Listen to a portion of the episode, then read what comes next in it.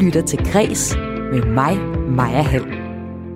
Oscar Akademiet giver nu deres dybeste undskyldning til Sashine Littlefeather efter de voldsomme reaktioner, hun fik til prisfesten i 1973, hvor hun på vegne af skuespilleren Marlon Brando afviste at tage imod prisen, men i stedet brugte taletiden på at kritisere Hollywoods portrættering af USA's oprindelige folk. Men undskyldningen her, den kan måske mest af alt ses som et forsøg på at redde Oscar Akademiets blakket image. Det skal det handle om først her i Kulturmagasinet Kreds.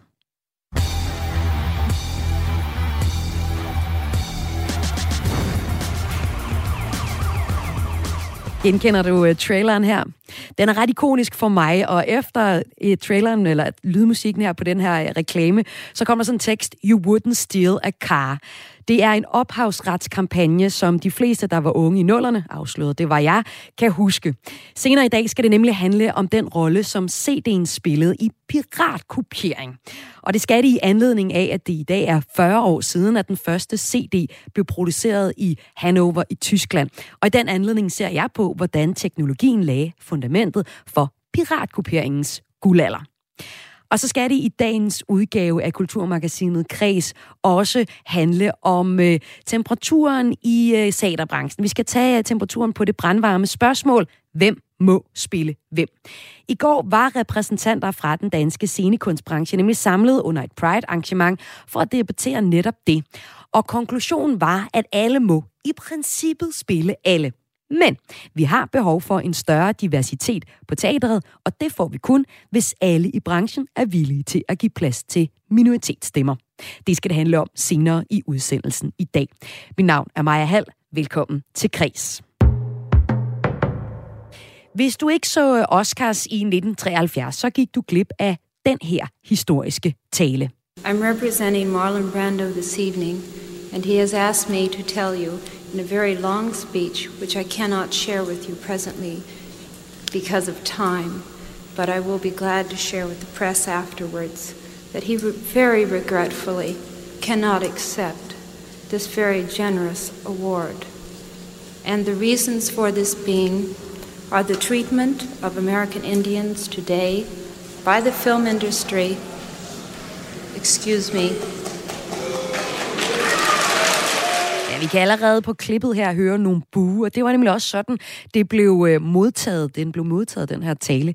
Det vi hørte her var borgerrettighedsaktivisten og skuespillerinden Sashine Littlefeather, der på vegne af skuespilleren Marlon Brando afviste at tage imod prisen, som han ellers skulle have modtaget for sin rolle i Godfather. Men øh, Marlon Brando altså, havde så i stedet for givet hende hans taletid, som hun så brugte på at kritisere Hollywoods portrættering af USA's oprindelige folk. Og det vagte på det tidspunkt, som man jo kunne høre også lidt på klippet her til sidst, stort postyr med buråb fra publikum.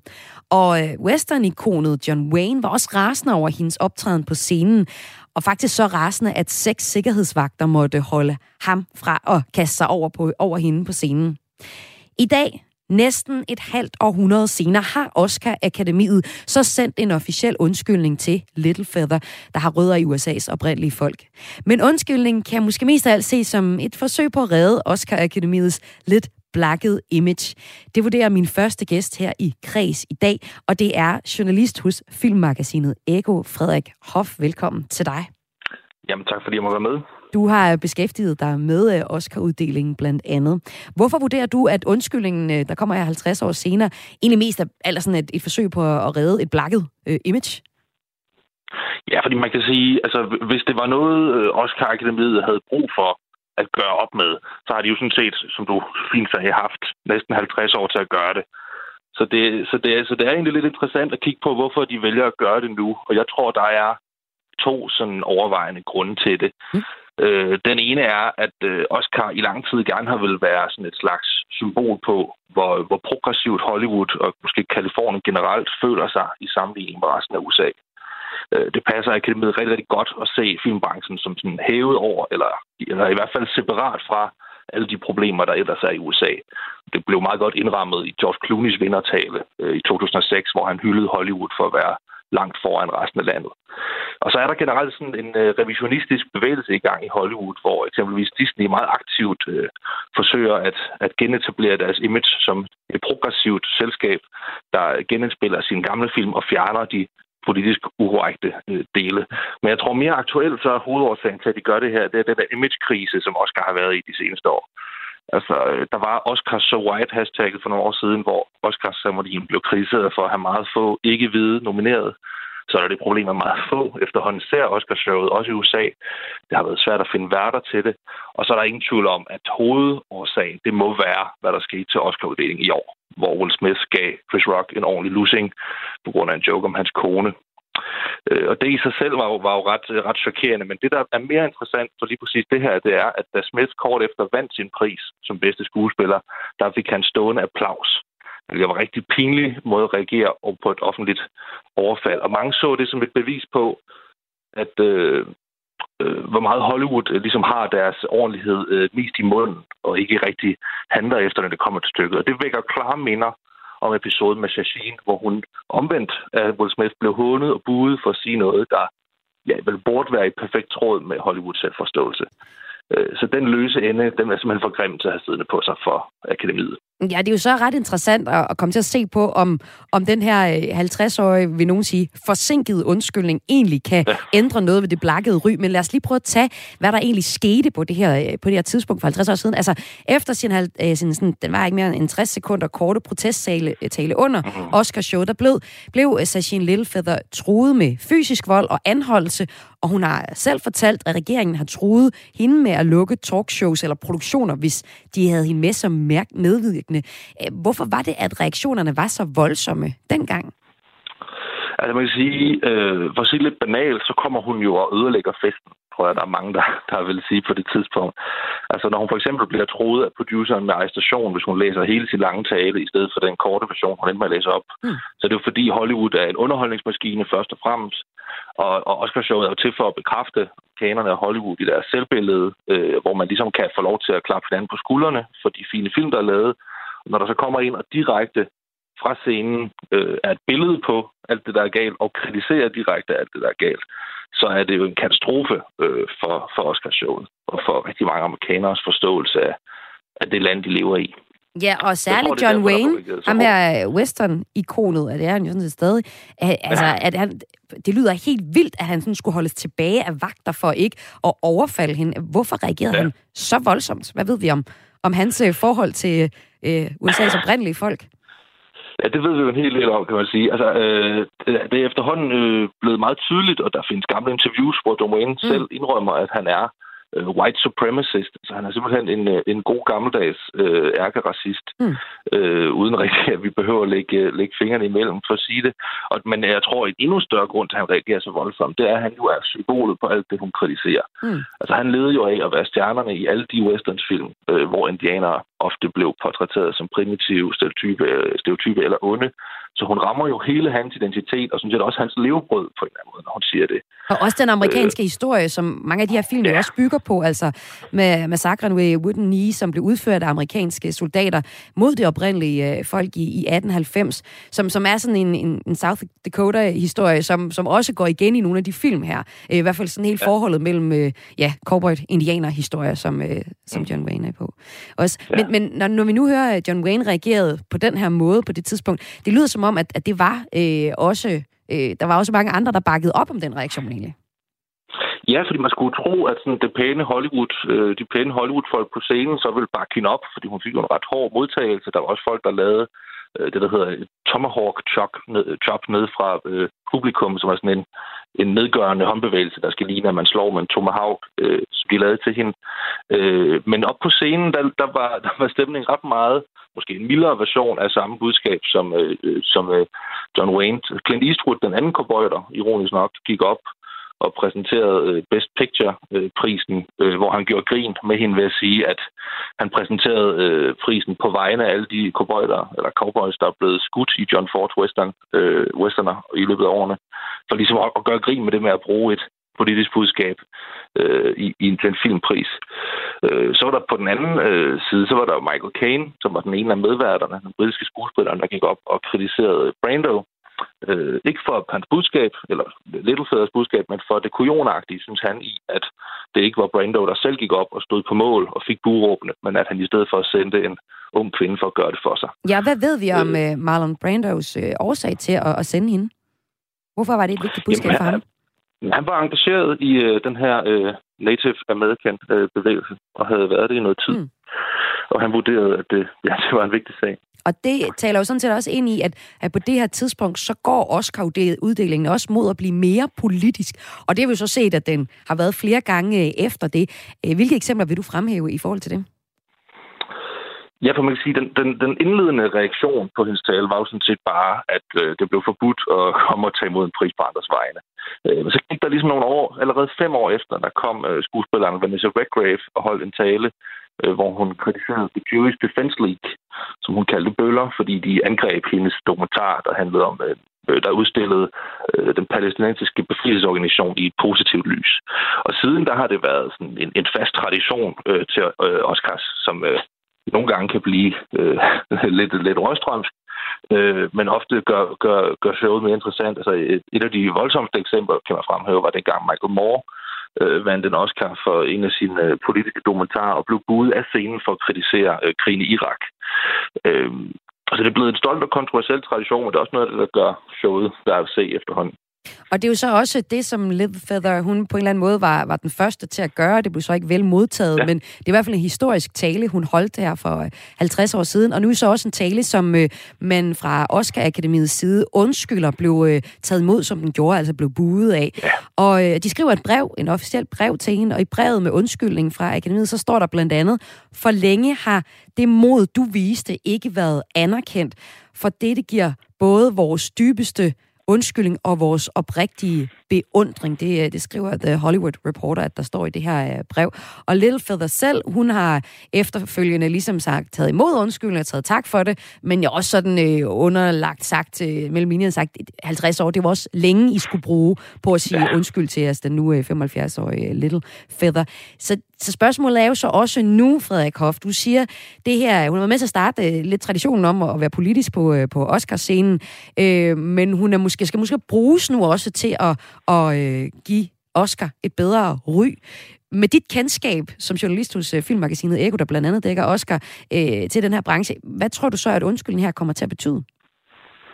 Ja, men jeg tror, og det kan jo godt være, at det er mig, der er pessimistisk, jeg tror ikke, det kommer til at betyde ret meget andet, end at det jo selvfølgelig er dejligt opløftende fra Tashine Lillefælder, der har, øh, har gået igennem en hård tid øh, med, øh, på grund af det her øh, og især dengang, men i virkeligheden igennem hele hendes liv.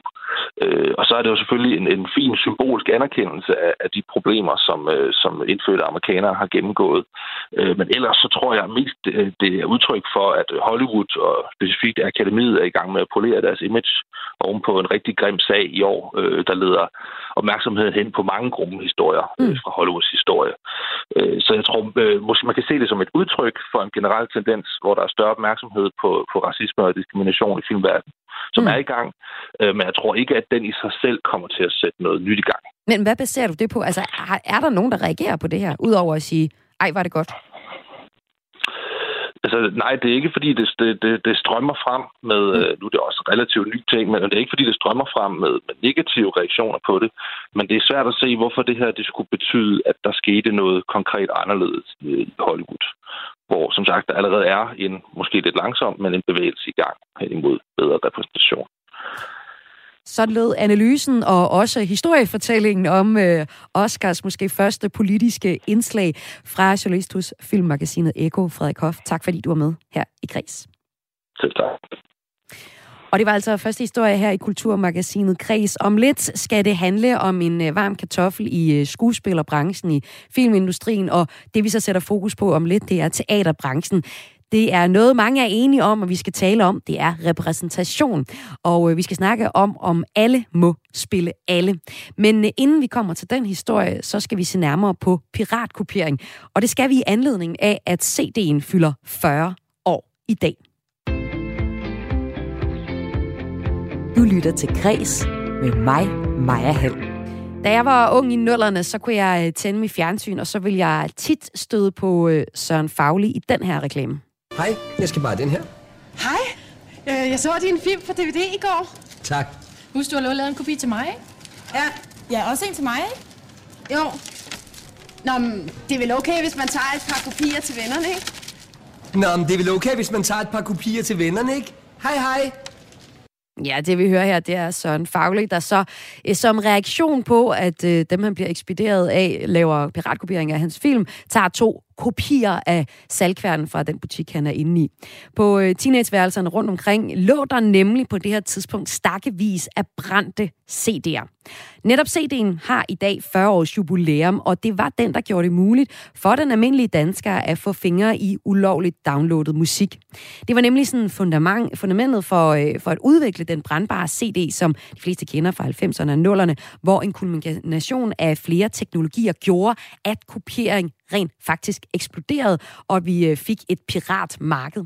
Det øh, kan min næste gæst fortælle meget mere om. Jeg kan byde velkommen til digital rådgiver og podcaster hos Togerød Plus, Esben Hardenberg. Velkommen til dig. Tak for det. Esben, hvad var det for nogle teknologier, der øh, lavede grundlaget for piratkopieringens guldalder? Øh, jamen altså, der var jo medierne i første omgang, ikke? De her brandbare CD'er, som bliver billigere og billigere der i slutningen af 90'erne, og så, øh, og så op igennem nullerne, så, så det gør jo, at de er nemmere at komme til at købe for os simpelthen, ikke? Øh, men så sker der også samtidig det med vores internetforbindelser, at det skifter lige så langsomt over fra at være sådan nogle forbrugsafregnede øh, forbindelser til at være fastnetforbindelser. Øh, og det betyder jo, at fildelingstjenester, peer-to-peer, det var sådan noget som Napster eller Kazaa, det var der flere og flere, der begyndte at bruge, og der kunne man jo hente alt mulig musik øh, ned, alt det man lige måtte ønske sig. Øh, og så mangler vi så det, det, det, det tredje, den tredje sko, eller hvad sådan noget hedder, ikke? og det er CD-brænderen, som øh, sad jo øverst som regel i vores de der beige stationære øh, kasser, vi havde dengang, og gjorde, at vi kunne brænde musikken ud, det vi havde downloadet, eller det vi kopierede fra en musik-CD.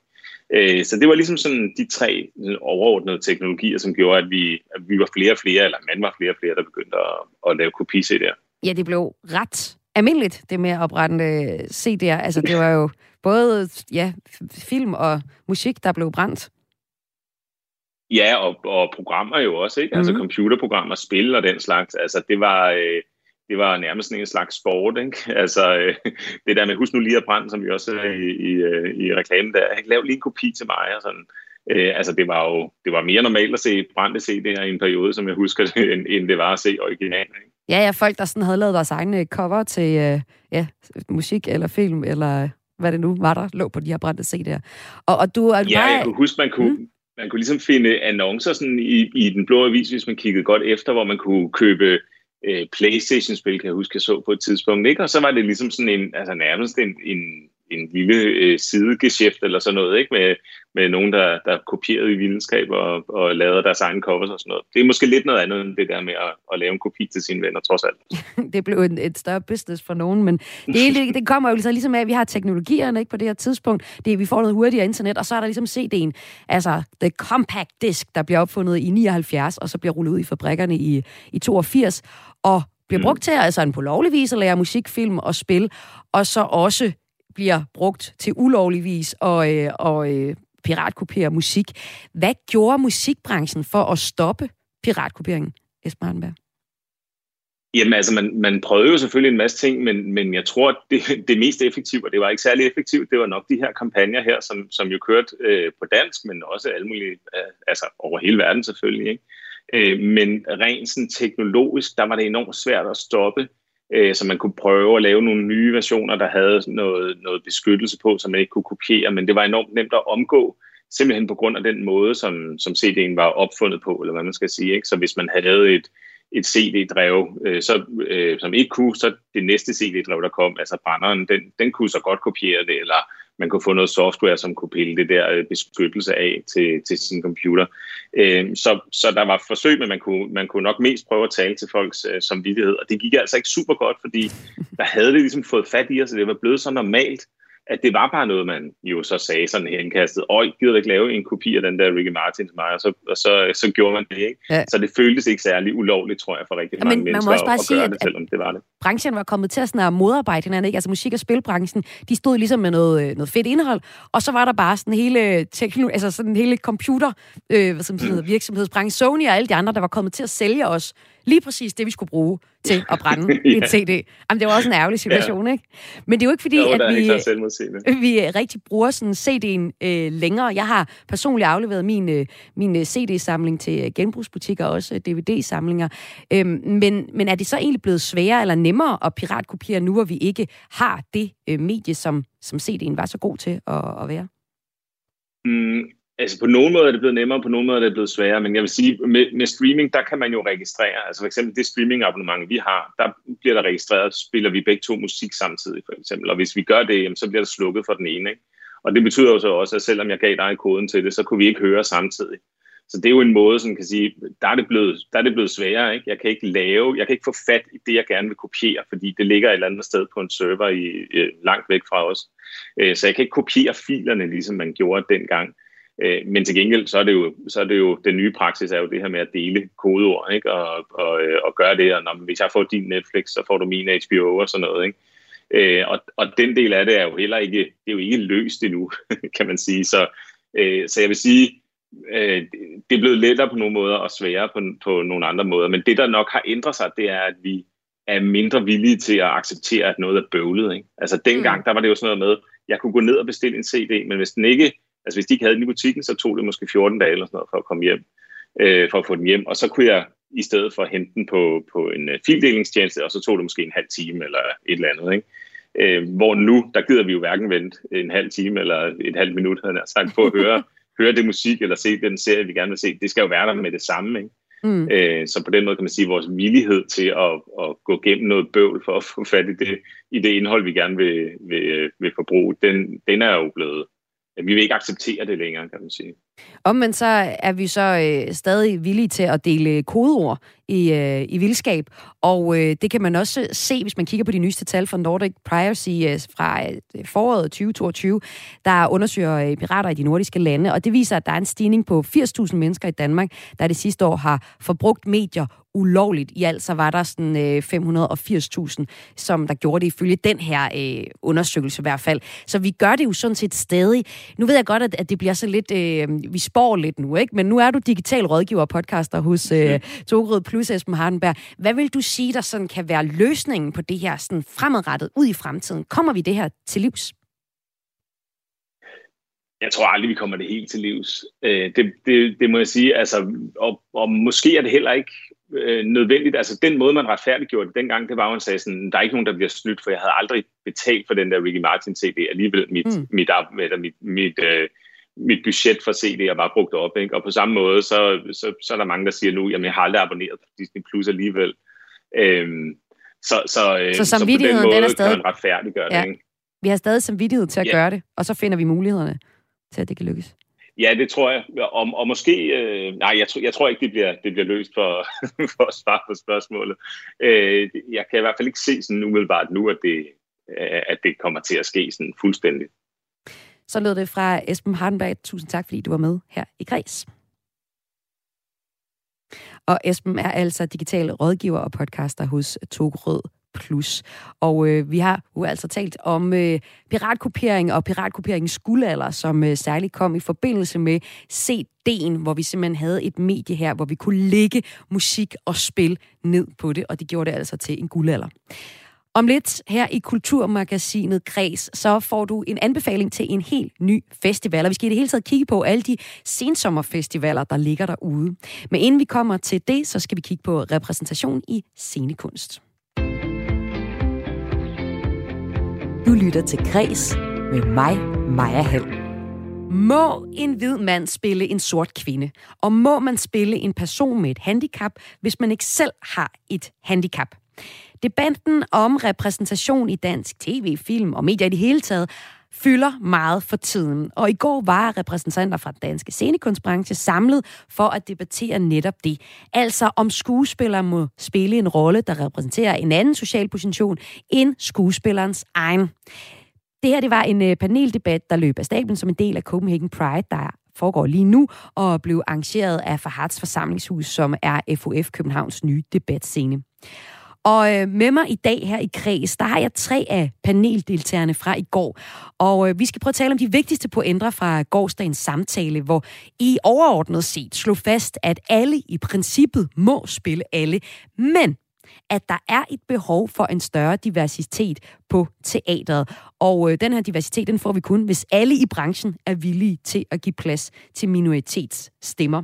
Og jeg nu kan byde velkommen til øh, nogle af de stemmer selv, og nogle af jer, der også kan være med til at, øh, at gøre noget ved problemet. Først så kan jeg sige velkommen til teaterdirektør på øh, Berlingske Tidene, Jakob Sten Olsen. Velkommen til dig. Redaktør. Det direktør, det er en helt anden Ja, det er rigtigt. Teaterredaktør. Ja. Tak skal du have. Tak. og øh, i den her øh, sammenhæng kan det også være relevant at nævne, at du er homoseksuel.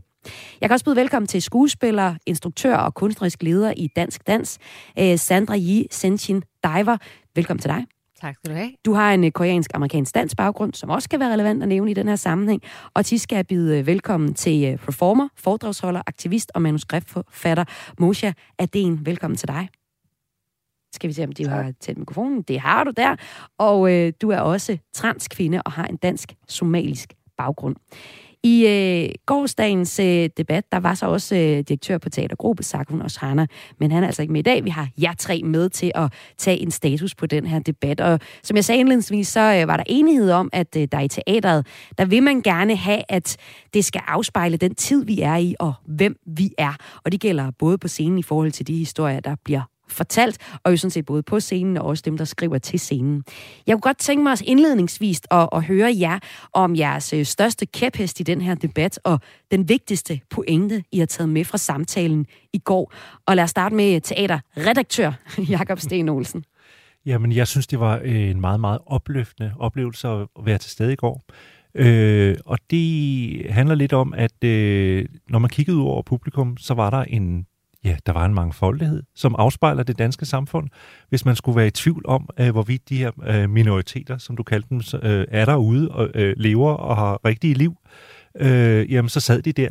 Øh, men der sad også det, vi kalder gatekeeper, altså dem, som øh, vogter over, øh, hvem der har ret til, til at komme ind på teater, altså nogle teaterdirektører med meget magt.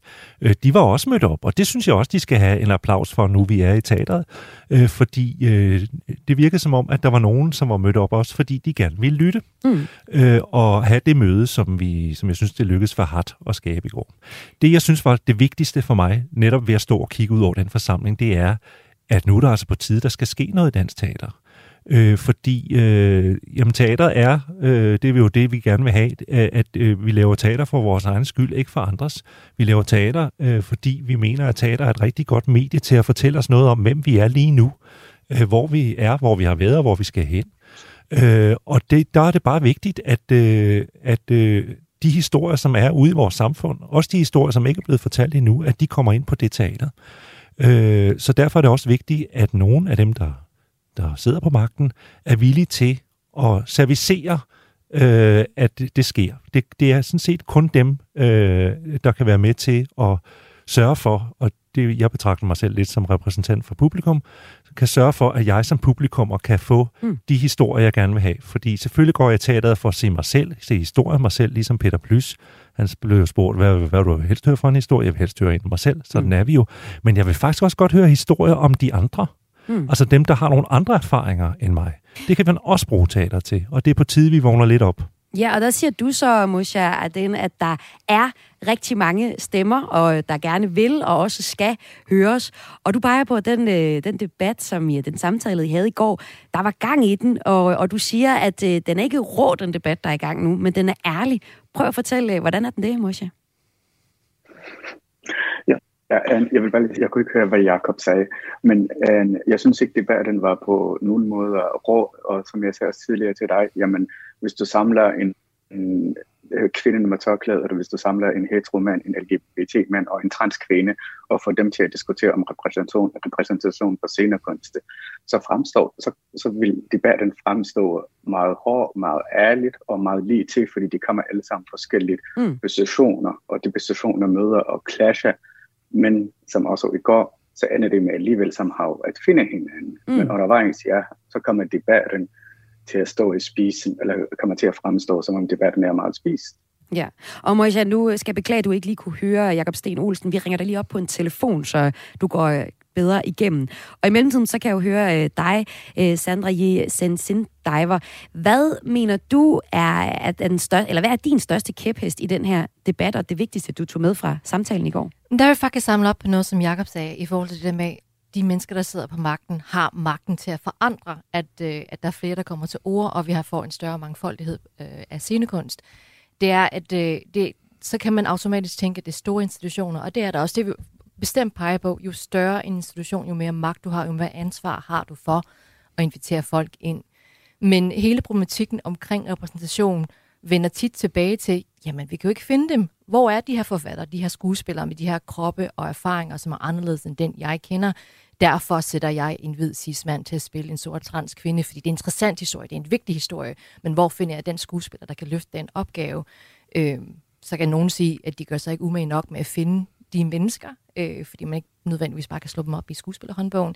Men det peger også på et symptom i hele systemet, at vi allerede har tabt de ressourcer og de talenter ved at ikke gøre øh, kunsten og kulturen og teateret tilgængelige hele vejen ned til folkeskolen. Altså øh, folkeskolen, efterskolen, højskolen, uddannelsesinstitutioner, scenekunstskolen. Øh, hvor, hvordan gør vi de steder tilgængelige for alle, så at alle kan se sig spejlet på scenekunsten og kan se, om det der kan jeg også blive, eller mm. det der det er også et sted for mig at fortælle en historie. Så, så du peger også på det strukturelle problem, vi ligesom ja. kom ind på ved, ved, ved samtalen i, ja. i går. Og, og, og der må jeg sige, at der at hele scenekunstbranchen er faktisk klar til at rykke. Der er så mange øh, institutioner og teatergrupper og kunstnere, der simpelthen er klar til at være mere mm. inkluderende. Øh, men vi har også brug for hjælp. Så fra et politisk plan øh, skal vi ligesom have, have mainstreamet, at det her er nogle værdier, vi tror på, at kunst og kultur og scenekunst skal være tilgængelig for alle, og hvordan gør vi det? Mm. Og jeg ved, at de peger på mange steder, hvor man kan løfte noget med samstemmigt, når jeg hører jer efter den samtale, I, I havde i går om repræsentation, og hvem må spille hvem i, øh, i, i, på teateret, så er det, at, at der, er ligesom, der er rigtig mange knapper, der skal skrues på i det hele taget, og jeg kunne godt tænke mig også at høre, sådan hvad jeres bedste bud er øh, på at, at løse problemet og sørge for, at der er større repræsentation. Men inden skal vi også lige øh, høre dig, Musha. Nu har vi fået dig på en øh, telefon. Øh, vil du ikke fortælle os, også, hvad din største kæphest er i den her debat, og hvad det vigtigste var, du tog med fra den samtale, I havde i går. Ja, men det vigtigste var for mig ikke, hvem der må spille hvem, og som alle også siger, Sandra også lige sagde, jamen en hvid cis-mand kan sagtens spille en uh, sort trans kvinde, men de skal bare være klar på, at nu er vi mange, der har uh, øh, ja, mange, der giver vores meninger til kende.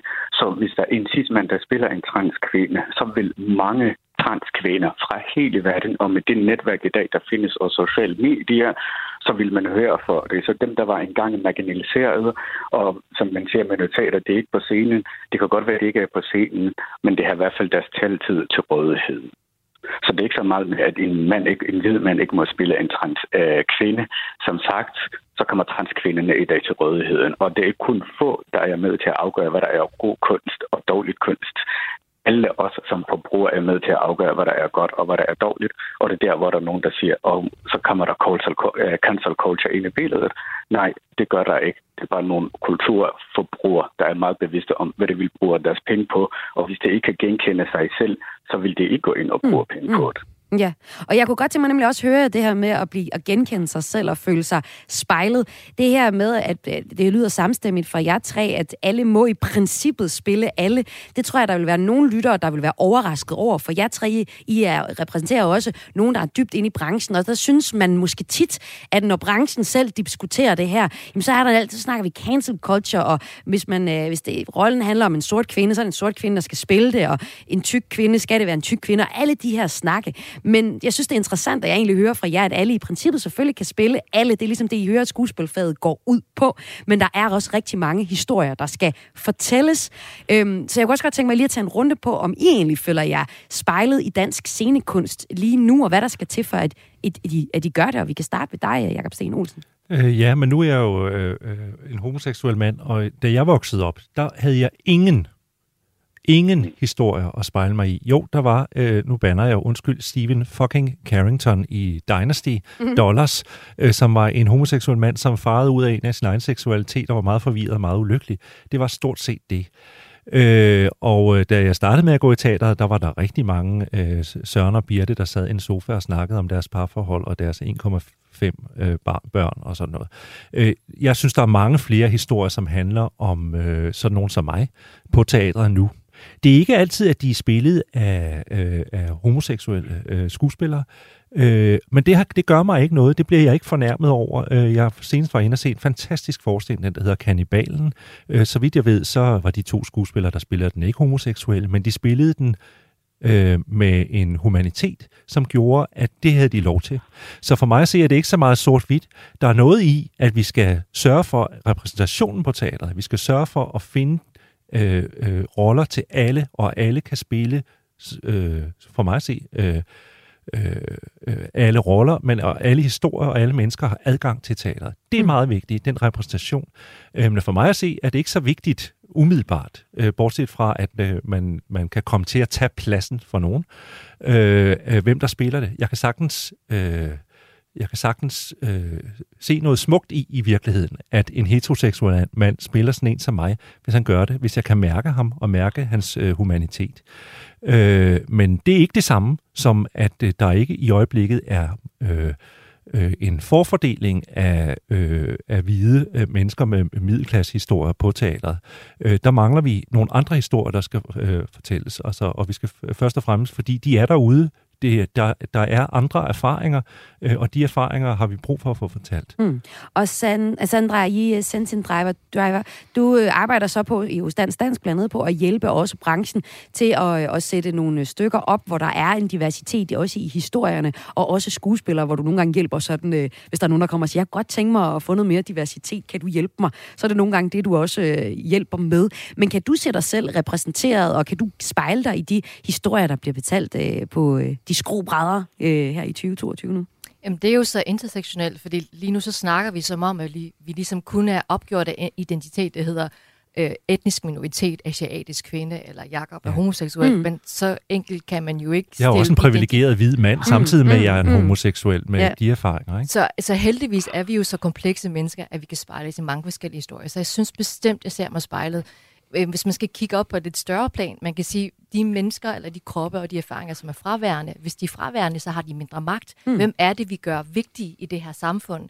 Og hvis de er synlige, de historier, vi fortæller, så siger vi også, at de er vigtige. Så på den måde øh, synes jeg stadig, at der er masser af historier, der mangler at blive fortalt, men jeg er da opløftet. Der er et generationsskifte på vej. Man kan også se det i forhold til de nye teaterdirektører, der ligesom har øh, hvad hedder det, fingeren på pulsen i forhold til, hvem de vil kaste, hvilke kroppe, hvilke erfaringer, hvordan de vil fortælle en historie, hvilke type historie de vil fortælle. Og på den måde, så føler jeg virkelig, at jeg spejler mig selv ind i en samtid, som jeg kan genkende.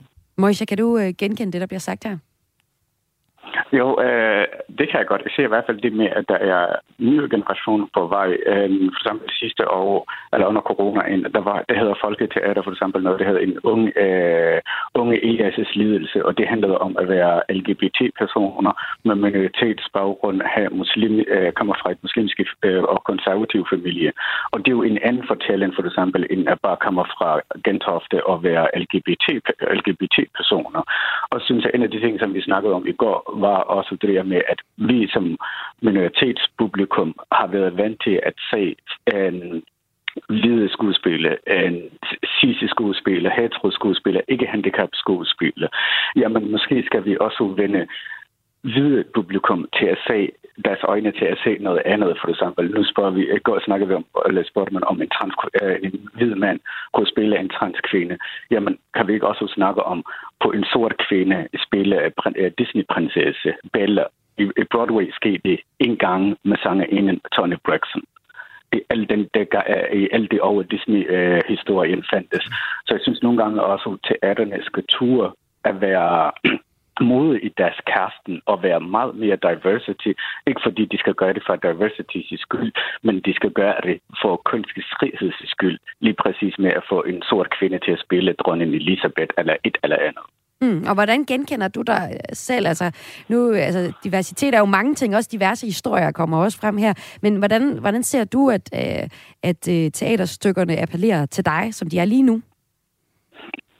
Jamen, jeg, jeg, så som, det, som det er lige nu, som det kan være. Øh, og det er bare min egen fordom, men der får man gen, øh, genopsætninger og for meget musical.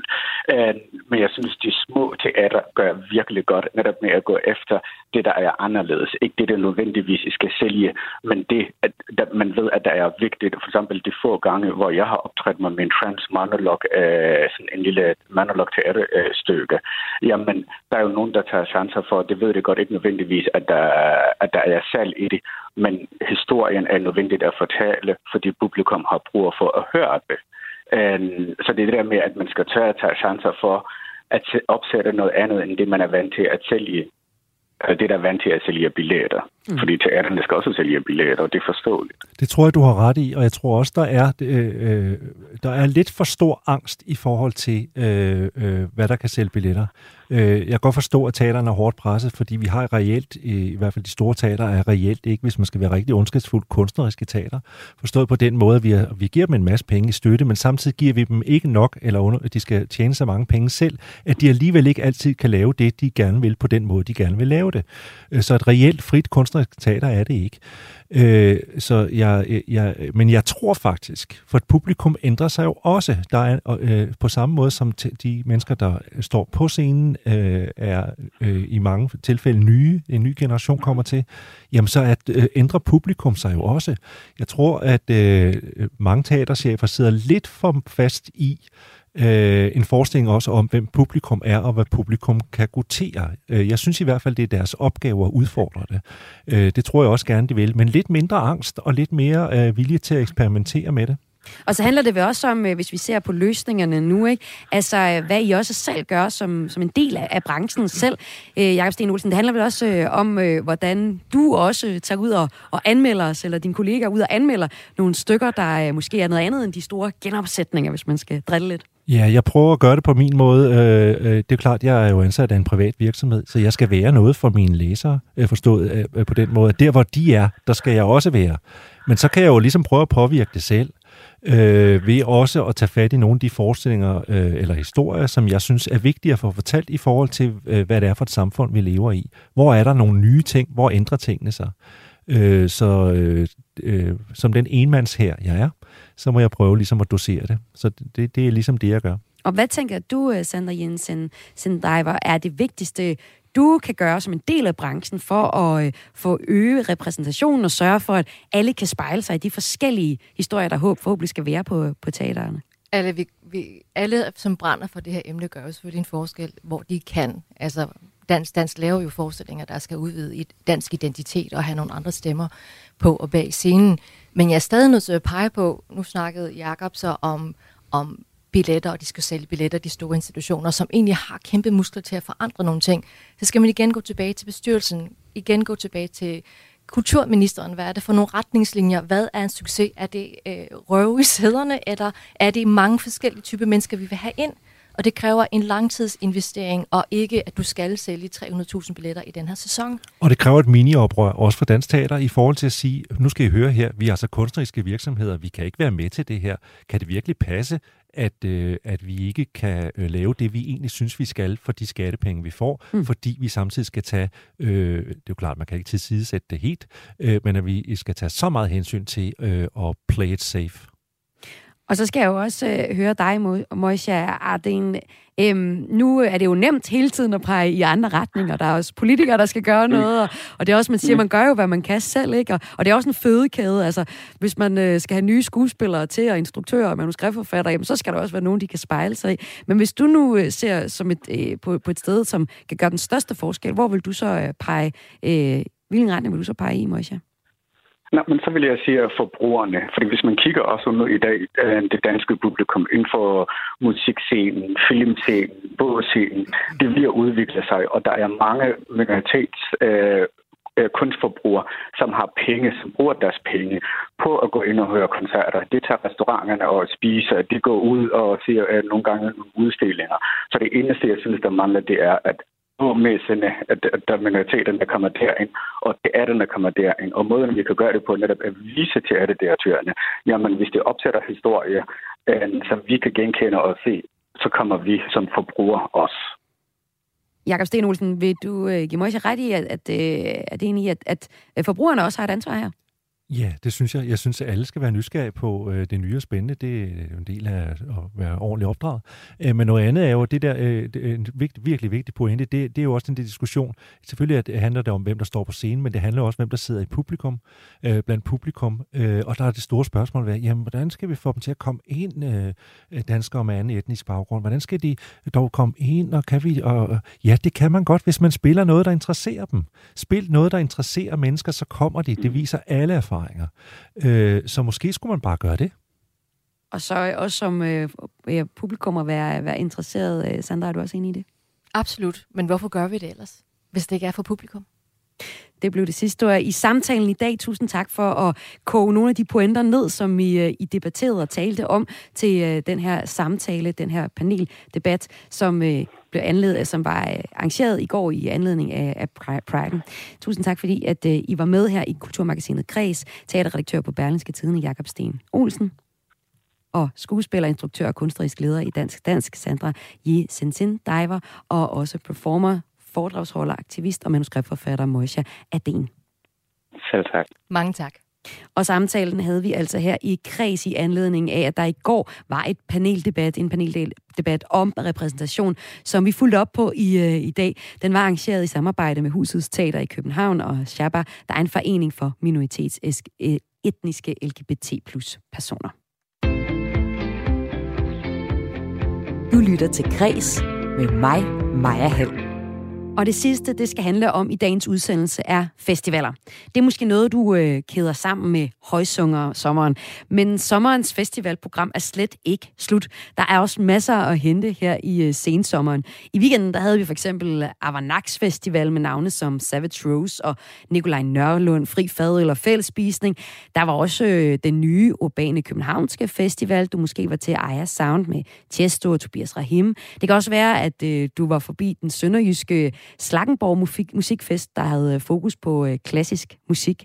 Der har været masser, og der kommer også flere. Og en ny festival på markedet, det var O-Day Fest. Den skal du høre mere om nu, for den har Kreses kulturagent i hovedstaden besøgt og kommer med en anbefaling af her. Øhm, så line-uppet og synes simpelthen, at det var et rigtig stærkt program. Øh, og som OD Fester selv siger, så har de lagt vægt på, at det var festive music. Så øh, netop den her sådan, sommerstemning med noget dansemusik, det gad jeg bare rigtig godt. Hvad spillet på O-Day Fest? Blandt andet spillede uh, Jeru, øh, og så spillede Channel Trash, øh, som er to kunstnere, jeg lytter til vildt meget, når jeg gerne vil være i godt humør derhjemme, øh, eller er på, øh, på cyklen på vej på arbejde. Og så øh, udover det var der også øh, nogle rigtig gode, stærke DJ's, øh, Gioti og øh, Caribou og Floating Points og Jada G, og også øh, nogle danske, som hedder Mainface og Josephinity og Amanda Baum, som er kendte for at øh, sætte en god fest i gang. Så altså både øh, en masse, som jeg kendte til, og også øh, nogle, øh, nogle nye opdaget, som øh, helt klart også kommer på min playliste nu. Og det er jo en ny festival, O'Day øh, Fest, som du altså har været til som øh, kulturagent fra, fra hovedstaden. Nina Rasmussen, hvad kan festivalen så? Det lyder umiddelbart som om, at den var i hvert fald stærk på line-up-delen af det, men øh, hvordan var den sådan i det hele taget? Jamen, det var rigtig lækkert. Altså, man kunne se nu, så jeg, jeg har kaldt den lidt en hipsterfestival. Øh, og det kan selvfølgelig betyde meget øh, forskellige ting, men blandt andet er det jo et, et bryggeri, som holder festivalen og har startet festivalen. Og det betyder jo, at det er øh, lækre øl, man får i baren, øh, og de koster også 60 kroner. Og, øh, og de, de snacks, man kan købe i baren, er seaweed snacks. Øh, og, øh, altså og det skal man ligesom være klar på. Lige præcis tanksnacks. Så, så det skal man være klar på, at det er, det er ikke grøn koncert, og det er heller ikke det segment, der er derude.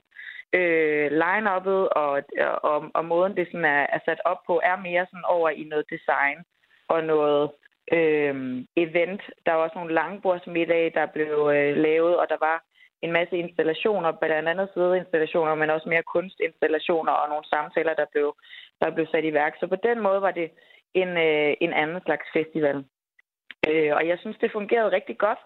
Altså, jeg bor jo selv på Vesterbro, kan man sige, og er måske øh, på vej hen i det der hipstrik-segment, så det var måske også der, hvor det talte til mig. Øh, men, men i forhold til priser og i forhold til til, øh, til hvad, det, hvad det ellers kunne, så skulle man være klar på at have pungen op af lommen i hvert fald. Øh, men generelt så kunne jeg rigtig godt lide det, fordi at noget af det, jeg også ville sige, måske kunne være hipstagtigt, det er det der med, at folk har gjort noget ud af sig selv. Øh, så der var mange forskellige øh, tøjstile og øh, også nogle ting at se på. Øh, og, øh, og det kan jo også være en ting i sig selv, simpelthen at sidde der med den fantastiske øh, øh, location, der var med øh, vand og havudsigt, og så kigge på mennesker og se, hvordan de havde det sjovt med hver deres grupper. Så det var klart også en ting. Men jeg vil også sige, at øh, nu kunne jeg se, at der var øh, mulighed for, at der var 5.000 mennesker derude, og det var ikke mit indtryk. Men det var faktisk kun fedt, fordi det betød, at man slet ikke stod i kø til noget. Øh, der var ikke kø til barn, der var ikke kø til toilettet, og der var stadig en god fest og et godt dansegulv. Øh, men jeg tror måske, at den her festival, som jo dels er helt ny, og derfor har skulle trække et nyt publikum, men simpelthen også fordi, der er rigtig mange ting, der foregår her i august måned i København. Så, øh, så jeg vil umiddelbart sige, at øh, det, de havde sat op, virkede virkelig godt. Jeg er virkelig taknemmelig for at have været der og været en del af den her oplevelse.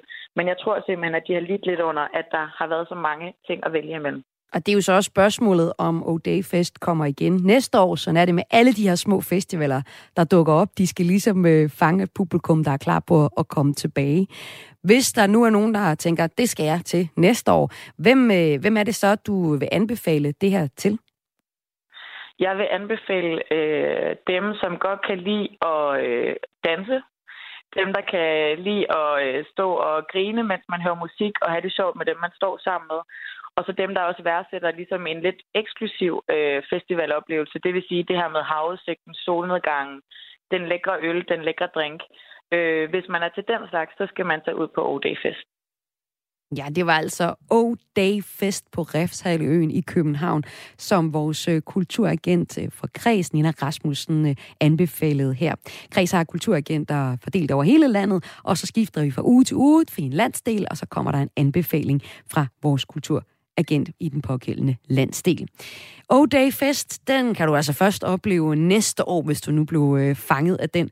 Men øh, som jeg sagde indledningsvis, så kommer der en hel del øh, festivaler her i de kommende uger også, fordi festivalsprogrammet er der selvfølgelig året rundt, men også i sensommeren er der ret mange. Jeg kiggede bare sådan lige hurtigt rundt, og der fandt jeg for eksempel øh, en festival, eller, eller kultursalonger, som de kalder det, på Giselfeldt Kloster. Der er, er musik, for eksempel spiller Oland, og foredrag også med Helle Helle og Rane Villerslev, så det er sådan musik og foredrag, de giver. Det er fra på torsdag og i weekenden. Det samme er musikfestivalen Uhørt, der præsenterer upcoming musik øh, og kunstnere på den festival. Og så er der også øh, Strøm Festival, og så er der selvfølgelig også, øh, som spiller øh, elektronisk musik primært, der det ligger i Københavnerområdet. Det gør Uhørt også. Og så er der lige nu også i København Pride Week. Det her var øh, Kulturmagasinet Kreds for i dag. Jeg vil lige spille lidt musik, fordi nu er der jo godt nok et år til, man kan øh, opleve O-Day Fest. Men øh, i det i år, så var øh, vores kulturagent, hun fremhævede en kunstner, Jeru, øh, som hun synes var rigtig fed. Og øh, ham kan man jo høre hele året, kan man sige. Og øh, vi skal høre nummeret Couldn't Be. Jeru, hvad jeg kan, ligesom kan sige om ham, jeg læste et, et portrætinterview øh, af ham, øh, med ham i Sound Venue. Der kunne man læse, at han var opvokset i USA, og så er sådan lidt specielle veje han kommet til Danmark ved at møde en dansk designer, Yvonne, Kone, og blevet så tæt med hende, og er også um, en stor del af, eller i hvert fald en, en kending i øh, den danske modeverden også. Og for ham kan man læse, der betyder mode og musik egentlig øh, lige meget. Hans fremtidsdrømme er at kombinere de to ting. Det vi får glæde af som det sidste her i kreds, det er nu godt nok bare, men den er også ret god, den øh, solede stemme her fra Jeru på nummeret Couldn't Be.